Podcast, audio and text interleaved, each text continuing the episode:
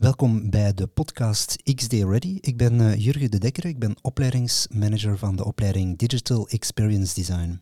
En ik ben Eve Vermeeren. Uh, ik ben student aan, uh, ook aan XD in het derde jaar. En samen gaan we vandaag de podcast opnemen. Ja, de podcast is de bedoeling dat we heel kort en op geregelde tijdstippen even een gesprekje houden. En um, ja, wat vertellen waar, waar de opleiding mee bezig is. Um, en ook ja, vertellen wat, wat er veranderd is de laatste tijd of wat er aankomt.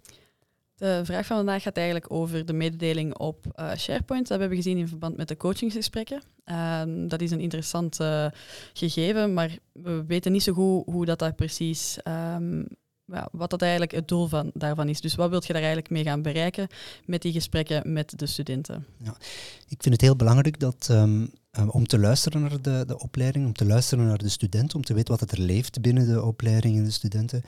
Um, en um, we doen dat op verschillende manieren. Die coachinggesprekken is dus uh, een van die manieren om een beetje vinger aan de pols te krijgen. Ik wil met alle studenten gesprek hebben en uh, horen wat is de motivatie, waar loop je tegenaan in de opleiding, wat vind je sterk aan de opleiding. Maar daarnaast hebben we nog al, allemaal verschillende andere manieren om, om, om studenten aan het woord te laten. Bijvoorbeeld op onze opleidingscommissie um, zijn er studentenbevragingen die vakinhoudelijk op het einde van elk semester uh, gaan, uh, gaan vakken gaan bevragen enzovoort. Dus er zijn heel wat manieren om, um, om studenten te bereiken of om, om informatie van studenten te vragen. En die coachinggesprekken is daar een heel belangrijke in. Het is duidelijk dat je um, meer te weten wilt komen over de opleiding en dat je eigenlijk uh, daarmee aan de slag wilt gaan. Maar waarom dan het gesprek met elke student apart? Hè? Dus je kunt eventueel, om tijd te besparen bijvoorbeeld, ook gewoon twee studenten per jaar kiezen. Waarom echt elke student uh, aan het woord laten? Ja, het is ook de bedoeling om, om met studentenvertegenwoordiging te werken. Maar daarnaast vind ik het ook heel belangrijk om elke student aan het woord te laten. Uh, niet enkel een aantal mensen die spreken voor de rest van de studenten, maar ook effectief met iedere student individueel een gesprek te hebben. Um, om die enerzijds, ja, om, om, om alles vanuit de onderbuik naar, naar boven te halen, maar anderzijds ook om, uh, om elke student ook te leren kennen, om, om, om, om gezicht op een naam te kunnen plakken. Um, ik vind dat heel belangrijk om die connectie met die studenten op te bouwen. En ik denk dat die coachinggesprekken daar een heel goede, um, manier voor zijn.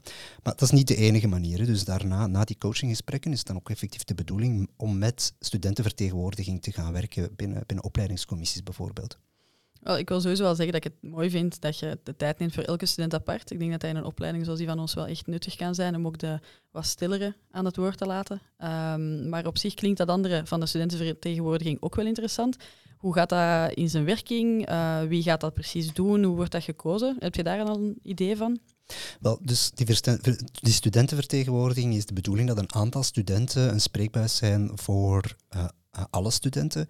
Het zijn eigenlijk een beetje de volsprieten in de opleiding, die, die fungeren als een spreekbuis uh, voor de studenten. Um, en we doen dat dus met, uh, met een aantal vergaderingen waarbij dat we studenten en docenten uitnodigen om, um, om, om, om over zulke zaken te vertellen. Um, als je zelf interesse hebt als student om deel te nemen aan zo'n opleidingscommissie, dan kun je mij gerust een e-mail sturen en dan um, gaan we daar een selectie gaan maken van een aantal studenten die elke fase vertegenwoordigen um, en dus eigenlijk ook een beetje kunnen um, ja, fungeren als, het, uh, als, als, als een, een, tussenpersoon tussen de grote groep studenten en uh, de opleiding. Oké, dat, uh, dat klinkt al heel interessant. En ja, dan heb je al die informatie, hè, dan weet je wat dat er speelt en, en wat dat er beter kan. En hoe gaat er dan effectief iets gedaan worden met die informatie? Gaat dat ook effectief zijn dat eraan gewerkt wordt? En hoe gaan wij dat dan ja, te weten komen? Uh, dat eigenlijk onze tijd dat wij hierin steken, dat dat ook effectief ja, een, een, een return gaat hebben, zeg maar. Hoe, um, hoe gaat dat lopen? Ja, absoluut is de bedoeling dat we, um, dat we die informatie ook vastpakken en daar bepaalde dingen mee doen. Het is niet de bedoeling dat uh, zo'n opleidingscommissie dat er een theekrans is en dat daar achteraf niks mee gedaan wordt. Dus uh, we pakken dat echt absoluut uh, um, aan of, of we, we, gaan daarmee verder. uiteraard is de aanpassingen die we doen, ja, ofwel zijn die niet altijd direct zichtbaar, ofwel duurt dat even voordat zulke aanpassingen kunnen doorgevoerd worden. Het is niet altijd mogelijk om onmiddellijk het volledige curriculum te gaan omsmijten binnen een, een lopend uh, academiejaar. Um, dus, uh, dus, dus we zijn ons daar ook wel van bewust dat dat niet altijd heel erg helder is wat dat er precies uh, aan het gebeuren is. En daarom vind ik het ook wel belangrijk om bijvoorbeeld, zoals een podcast zoals deze, om ook met de studenten mee te delen van kijk, we zijn daar effectief mee bezig. Of kijk, we hebben die aanpassingen effectief al doorgevoerd, al zijn die niet helemaal zichtbaar. Oké, dat is, dan hoop ik dat dat zo gaat zijn en dan kijken we er naar uit om dat te mogen horen, wat er allemaal gebeurt in de opleiding. Ehm, wat, dat mij wel nog, allez, wat ik mij wel nog afvroeg was, uh, het is nu gekoppeld aan een vak. Hè, dus we moeten via ethiek of via communicatie moeten we daar iets voor doen. Um, ook een voorbereiding en dergelijke. Waarom is dat gekozen? Waarom het koppelen aan een vak in plaats van ons gewoon vrijwillig uitnodigen?